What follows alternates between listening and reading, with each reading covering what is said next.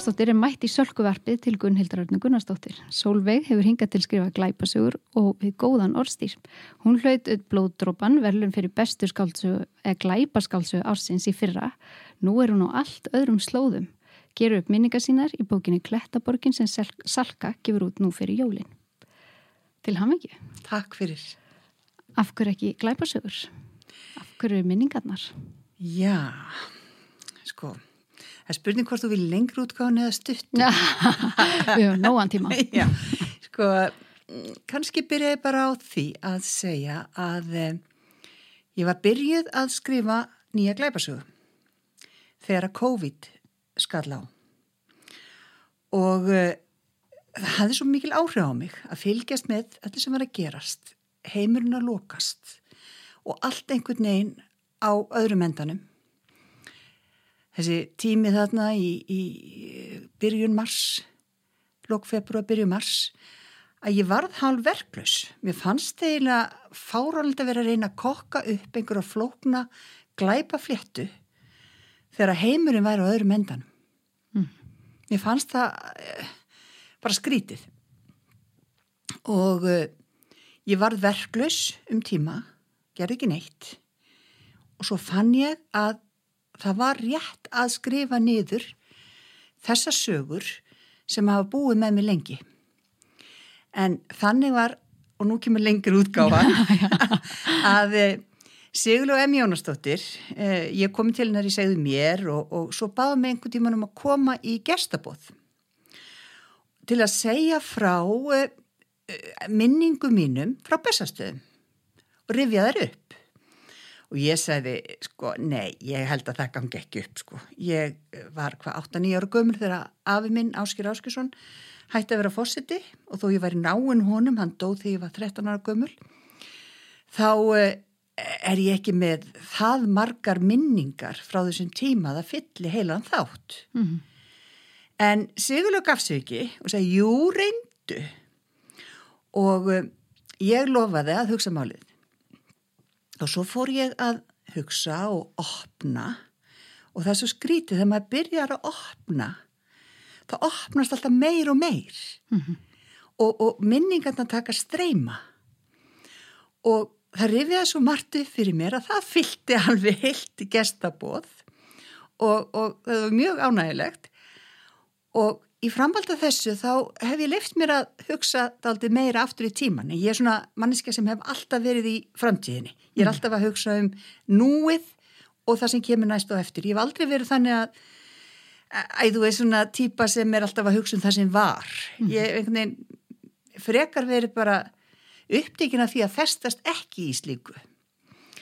En þarna leiði ég mér semst að dvelja við minningar og þessar sögur sem að ég segi í Klettaborginni þær hafa búið með mér síðan þá semst þær hafa verið þarna síðan ég byrjaði að lefa mér að hugsa mm -hmm. tilbaka auðvitað myndi ég sumt að þessu en ég opnaði fyrir mm -hmm. uh, svo ég byrjaði að skrifa og ég fann um leið að vera rétt og ég hef aldrei skrifa bók á jafn stuttum tíma og þessa mm, Hvað tók þetta langan tíma?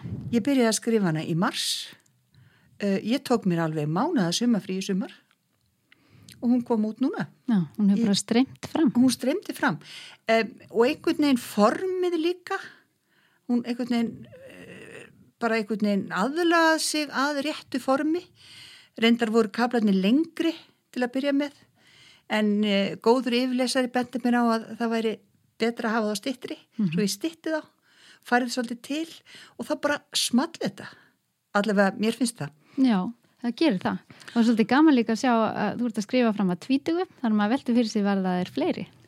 Já, eh, ég veit það ekki. Eh, það eru sem íta á mig að halda áfram. Ég veit ekki að þetta verður svo krassandi. Það, það er ímislegt sem maður veit kannski ekkert endilega verður að reyja. Nei, það þurfti kannski að verða skáldsakna persóna á bakvið það. Ég geti verið að stressa svolítið marga, kannski að reyja upp ímislegt, en ég veit það ekki. Ég er bara aldrei að segja aldrei og svo náttúrulega er ímislegt fleira sem að, að hérna, ég er ég geimi með mér frá þessum tíma og framöttir sem að kannski mm. væri allt í lagi að prófa að reyna sig við að skrifa niður og sjá svo bara til. Já, maður heyrir svona, já, eða þegar maður les bókina, Kletta borgin, að þá svona finnum maður þetta er svolítið tveir heimar, það sem þú kemur og svo sveitabærin sem þú dvelur á. Mm -hmm. Og já, einhvern veginn líka svolítið virkar þetta eins og þetta séu mjög gamli tímar en þú ert nú ekki mjög gömul. Já, þakka ég fyrir. já, það er nefnilega, sko, ég, þetta eru tveir gjör ólíkir heimar. Ég kem þetta fimm ára gömul mm -hmm.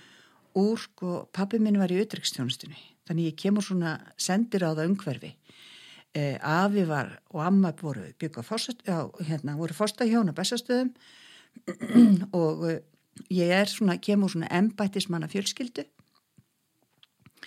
og er svo sendt þarna austur í lón þar sem er, það er ekki drama mm -hmm. og það var allt mjög svona, já, okkur finnst það frumstækt í dag en það þóttuð ekki þarna í rauninni það var komin traktor og, og uh, það var hræri vel á heimilinu sem var sett í gang uh, hún gekk fyrir sem sagt rafmagnir frá ljósavél sem var sett í gang svona klukkutíma á dag. Og uh, mjölkið var geimt í brunninum og þetta var náttúrulega eins ólíkt og hugsa skatt en mér finnst í rauninni þessi tveir heimar hafa fyllt mér í rauninni bara gegnum alla æfina ekkert mm -hmm. endur að þessi tveir heimar heldur. Ég hef bara alla æfi verið aldrei tvískipt. Já, getur líst í betri Já, kannski að eh, ég fer í leiklistan á og, og er mentu leikona frá Leiklistaskóla Íslands sem heitir núna Leiklistar Deild Listaháskólans mm -hmm.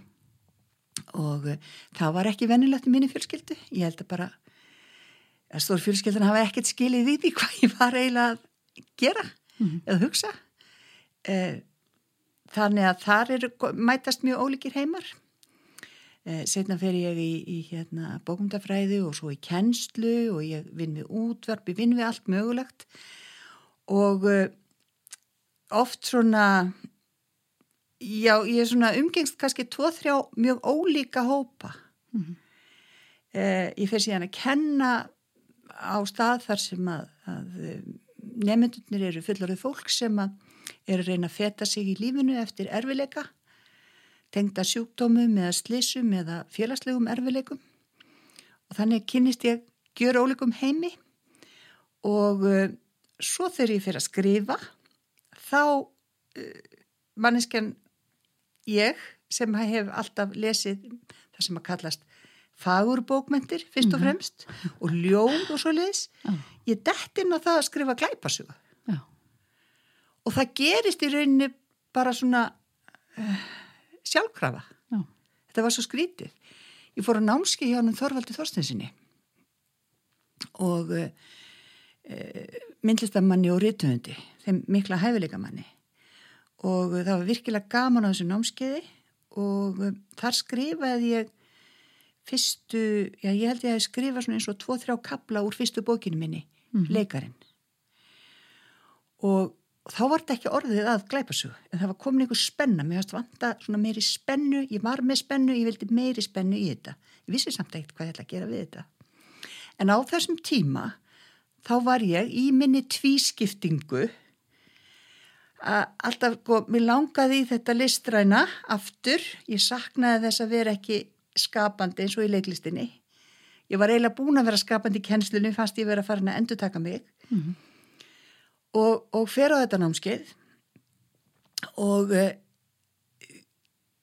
já, það sem ég sko ég var búin að, já best að hafa rétt að ruða á þessu. Ég var hérna búin að innrita mér nefnilega í MBA-ná við Háskólinn Reykjavík. Mm -hmm og þegar að námskeiðinu lög þá segir Þorvaldur við mig hvað hefur þú hugsað að gera?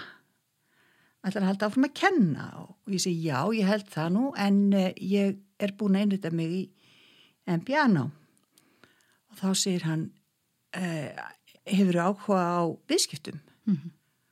nei.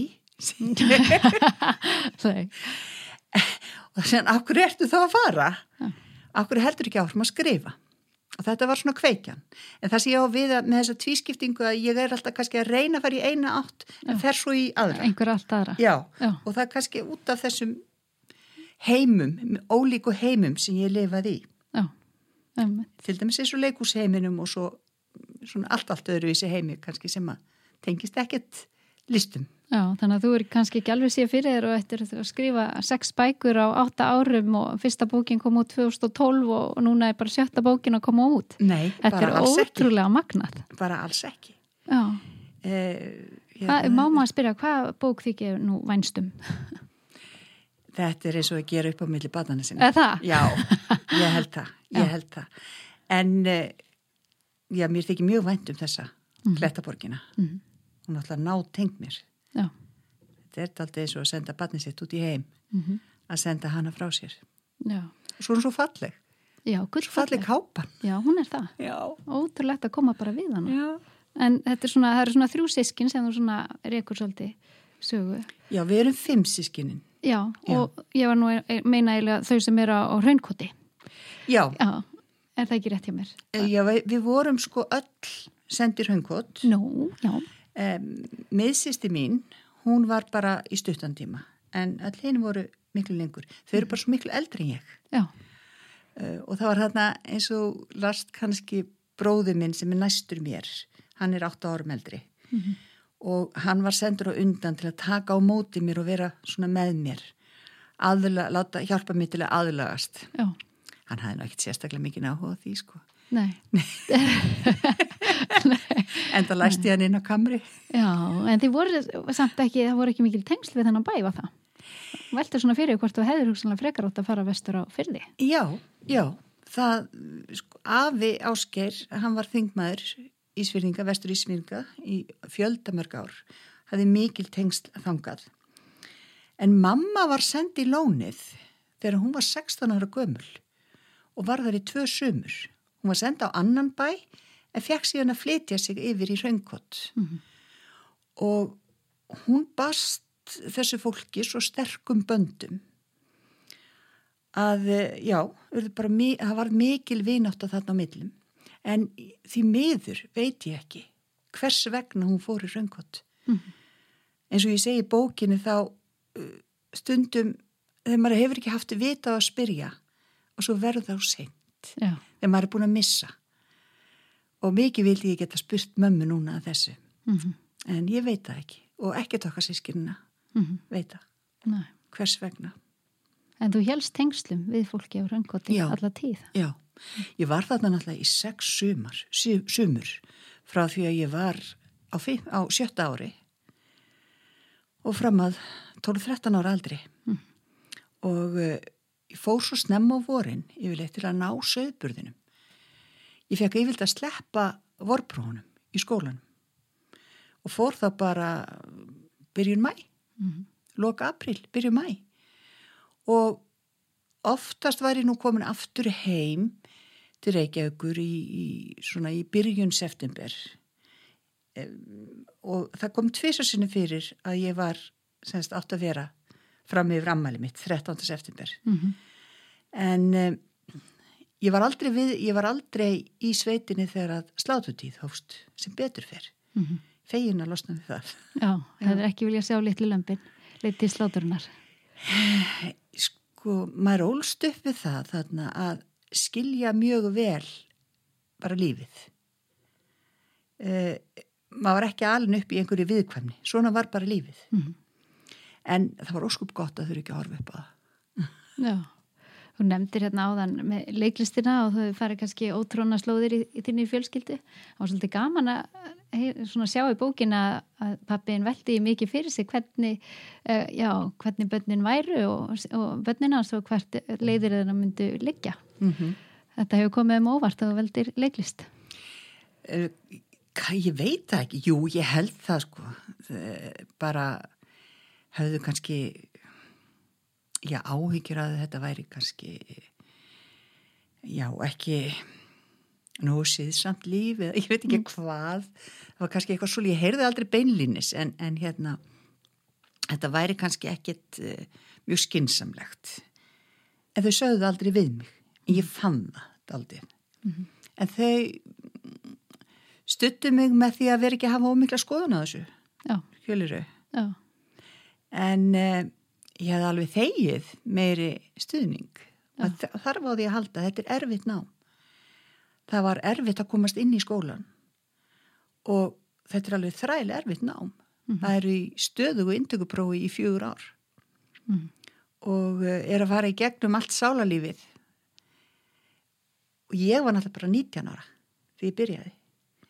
Og var á þessum tíma að upplefa mjög mikla breytingar í mínu lífi en þess að ég, fóreldra mínu flytja enn og aftur ælendis og ég var yngst og ég drif mig í hjónaband og uh, ég egnast tengdafjörskildu sem er úr allt annari átt sem er mjög dæmigert fyrir mig Já. kannandi tvo heima, Tvo heima, já. og uh, það var bara margt að takast á við sko. við bara byrjum strax að reyna að kaupa okkur íbúð og, og svona og þegar ég það var nú bara kona sem er sálfræðingur sem að bendi mér á það að hún sagði bara því líka verkefni fyrir 19 ára stúlku, hefur einhvern tímann hugsað um það Mhm. og vera í svona kröfuhörðu námi 19-20 ára ég hef aldrei hugsað það þannig Nei. þetta var bara einhvern veginn Já. já, en þetta var, Já, og veldur í fyrir hérna, varst ekki aðeins komið með stúdent, ef við komum svona aðeins inn í stúdentin, að það hefði verið skeitingaleysi að vera ekki að benda þér á að klára hann. hefði bara átt að klára hann. Ha, bara ha, en hérna, það bara ég tók á þeim mánum setna já. Nú, fólki þannig í raungkoti, það eignaðist ekki börn en átti fóstur svon að segja. Er bókin skrifur svona til þess að við halda minningu þeirra? já, þetta er dýrmætt fólk. Afskaflega dýrmætt fólk.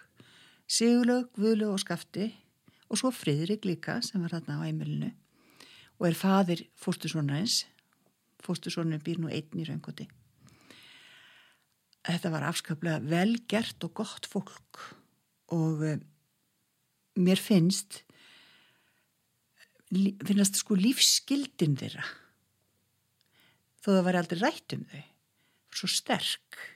Og mér finnst þau eiga erindi til okkar í dag. Heilmikið erindi, erindi. Mhm. því að eh, það var allt svo afdráttalust þau komu svo vel fram við dýrin. Maður lærði að umgangast dýrin á svo fallegan hátt. Og svo mikil umhyggja. Það er einmitt bref sem byrtist þarna í bókinni sem að skafti skrifar til mín og, og það lýsir svo mikil umhyggju gagvart dýrunum. Maður lærði að umgangast náttúruna af virðingu. Traðka ekki niður mosa. Krækja fyrir, gæta að hlúað, aldrei að skemma neitt alltaf að skilja betur við en maður kom að. Maður lærði að hérna maður var einhversi virði. Og þetta held ég að skiptir svo miklu máli í dag, þegar að það er svo margir sem að glýma við kvíða og tilgangsleysi. En um leið og ég kom í sveitina eins og til dæmis sagan hérna af steininum sem að Guðlu lætu mér nota til að fergja, litli létti steinin til að fergja hlemmin á brunninum. Er svo lýsandi fyrir þeirra viðþorf og framkomi við börn. Það var engin vinnuharka en þú varst þáttakandi og þú barst ábyrð en hún var aldrei of mikil, aldrei það mikil og þú gætir ekki borðið hana. En maður gegst upp í henni. Eh, Ég, mér var aldrei sagt að ég ætti að klára að raka einhvern stóran flekk en ég hafði metnað til að reyna að standa mig og vildi hérna ná í sem flestar, ná að raka í sem flestar sát, sátur, mm. skilum mig og, og því ég tengi þetta við e, daginn í dag þá hugsa ég um að það er svo margir til dæmis ungd fólk, úlingar sem hafa ekkert hlutverk Mhm.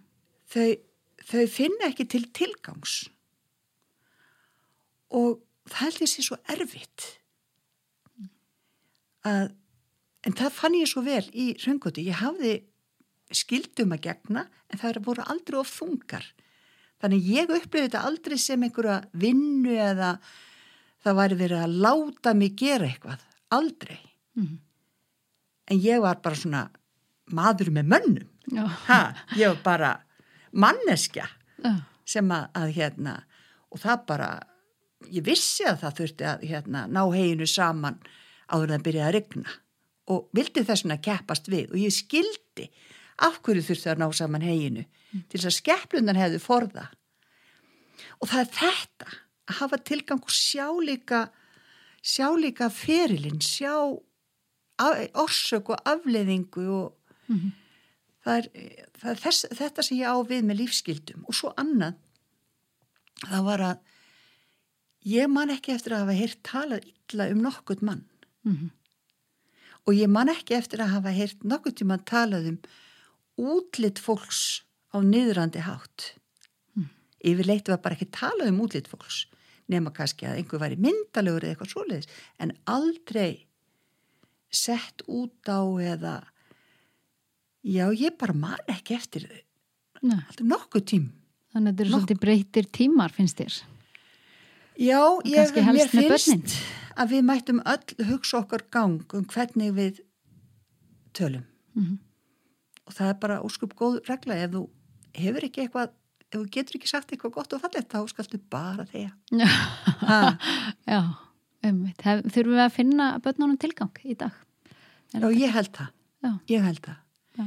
ég á tvær litla dóttudætur og uh, mér finnst bara, bara það að leggja borðið sko, með manni Mm. að taka ekki alltaf verkin af börnunum. Ég held svolítið að mín kynnslóð sem er að gera allt vinna fulla vinnu bæði vera með börn og hérna samt að halda alltaf fullum standard í hérna, vera alltaf með heita mat á hver kvöldi og allt þetta að við vorum alltaf að flýta okkur. Þannig að við tókum alltaf verkin af börnunum okkar. Við þurfum núna að fara að læra að skila einhver tilbaka Mhm. Já, hljómar, skinsamlega. Það er eitthvað sem maður er ekki veltandilega svona fyrir sér. En hvenna fórstu nú síðast í Hraunkott? í sumar Núni sumar? já, já, Já. já, já. Hvers Ég- vegna? Ég fór og las nokkra kapla upp fyrir frýra, Já. fórstursonin. Mm Hvernig leist honum á? Bara vel. Já, Já, já, hann hefur já, ekkert leiðrétt eða lagað. Eh, ég hérna sagði hún að þetta væri ekki sakfræði. Þetta er ekki sakfræði. Þetta eru minningar mínar, Já, eins og ég mann þær. Og, og hérna, hann mann hlutinu kannski öðruvísi. Annars vorum við sammála um það sem að, hérna, en, en, en hver og einn hefur sínar minningar og mann hlutin á sinn hátt og það er að sjálfsögðu tilfinningabundið og svo náttúrulega eh, bara sem rithundur þá fær maður aðeins í stílinn, Mhm. ekki satt já, já. ha, annars verður þetta bara leðilegt já, já.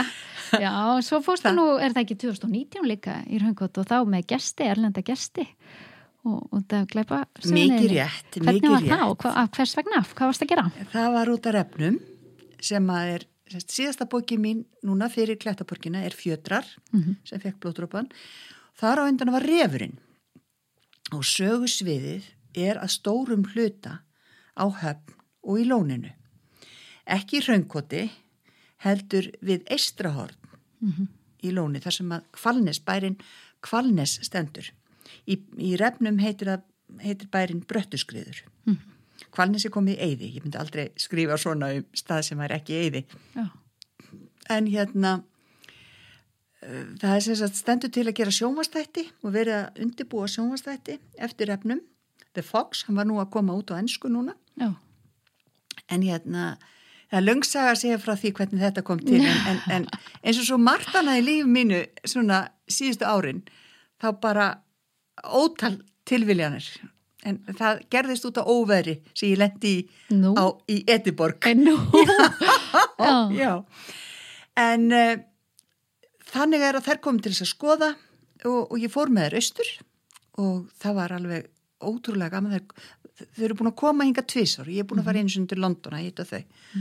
og eru að gera sem sagt Já, það er þætti úr að, bókinni það er verið að skrifa núna þættina. Mhm. og fjármögnun er komið vel á stað og, og, og hérna vonandi bara, COVID hefur náttúrulega hægt á. Já, en vonandi verður þetta að veruleika áður en langt um líður.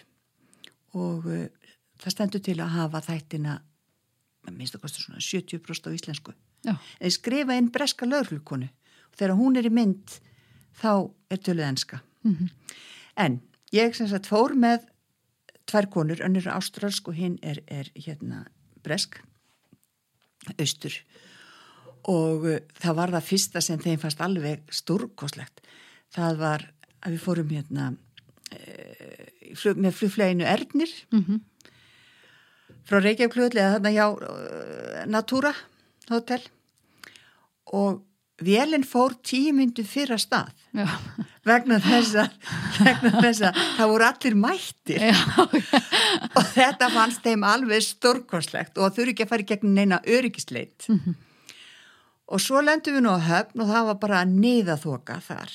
Bara sá varla út úr augun, augum og ég, ég, í hvað erum við komnar nema það rofaði til daginn eftir og, og, og hérna við keirum upp í lón og aðkvalnisi og hvað heldur þau? Heldur þau að hafi ekki verið heil reyndýra hjörð Já. í hlaðinu, bara stóð í hlaðinu og þú getur ímyndað þér bara undir þessum bröttu skriðum þessu ríkalega landslægi og svo heil hjörð af reyndýrum Ég fæ bara gæsa. Já, þetta var magna Já. Og svo fór ég með þær eh, í kaffi í hlýð, á bæinn hlýð sem kemur nú við sögu í Klettaborgin aðeins.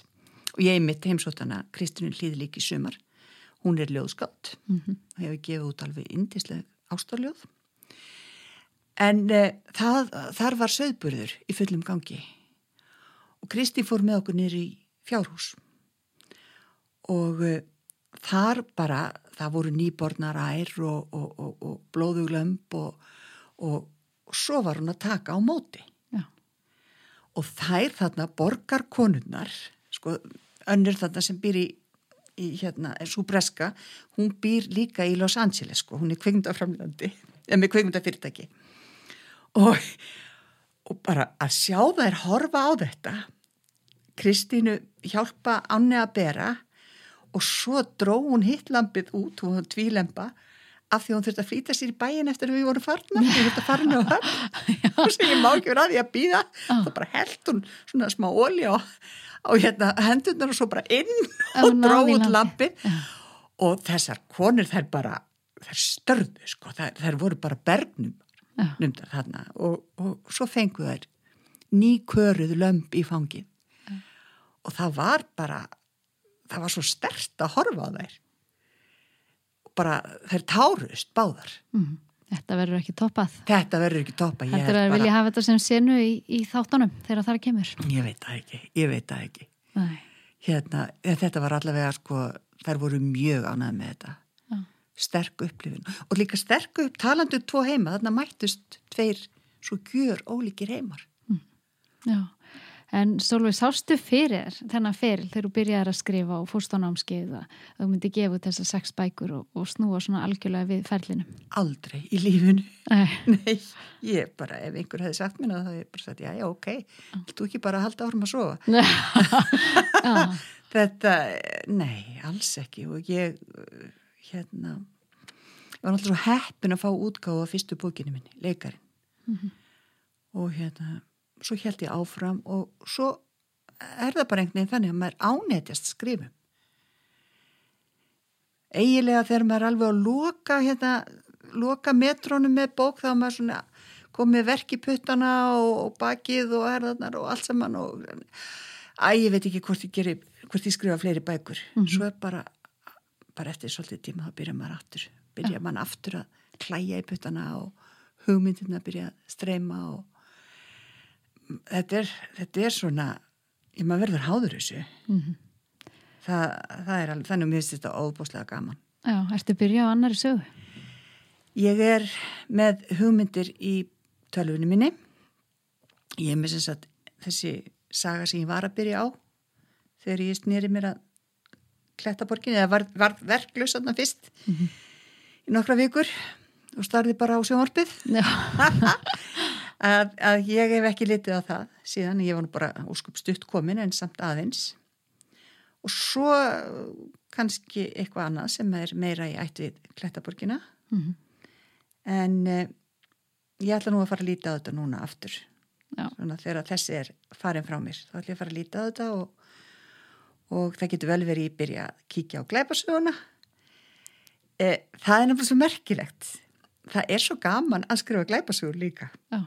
Það er, er svo ótrúlega gaman að reyna að búa til flækjur Mm og, og hérna náttúrulega sterkar personur og maður verður líka að hafa einhvert erindi, hafa einhvert efni sem að mann liggur á hjarta. -hmm. mínar glæpasögur hafa alltaf verið með einhvers konar samfélagslegan undutón það er eitthvað sem ég liggur á hjarta. Á þess að það sé ofkæfandi sko. En ég ætla bara að kíkja hvort þekja og svo fer ég að henda mér í skrifa aftur Já, spennandi Solveig Pálsdóttir, takk fyrir að koma í Sölkuvarpið. Takk fyrir mig